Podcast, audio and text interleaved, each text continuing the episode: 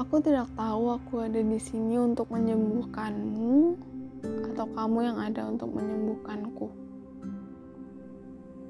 Tapi adamu dan pembicaraan receh kita telah mengusir sepiku. Beberapa hari ini cukup riuh dan aku menyukai itu. Menyenangkan rasanya memiliki seseorang yang mau mendengarkan. Dan entah kenapa, menunggu pesanmu menjadi hal yang sangat mendebarkan. Ada saja yang ingin kukatakan. Ada pula saja yang ingin kusampaikan. Dan aku selalu punya ruang untuk menampung ceritamu yang sama panjang. Tak peduli bagaimana kamu di masa belakang atau apa yang terjadi di masa mendatang, siapa kamu hari ini sudah cukup membuatku senang. Dan cukup, seperti prinsip sederhana lain yang selalu kuanut, adalah kata lain dari sempurna bagiku. Akan berbeda tanpamu akan terlalu sepi mungkin jika pergimu.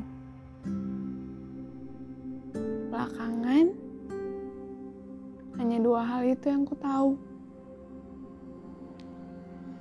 Tapi, akan terlalu egois bagiku jika aku menjadi penghalang bahagiamu.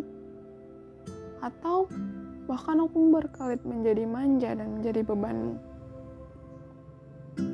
Kamu bisa menegurku dan mengatakannya jika aku mulai bertingkah begitu.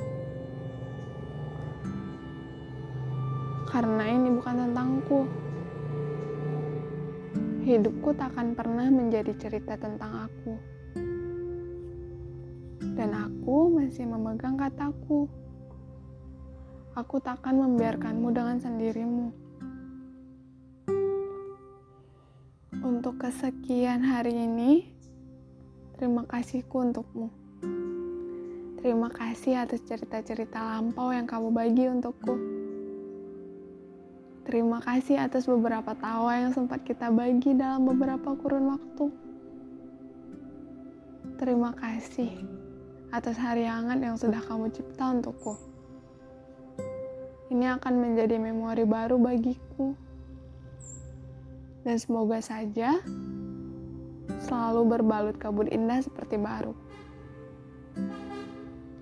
Dan selamat lelap buatmu sang tuan pecandu beku.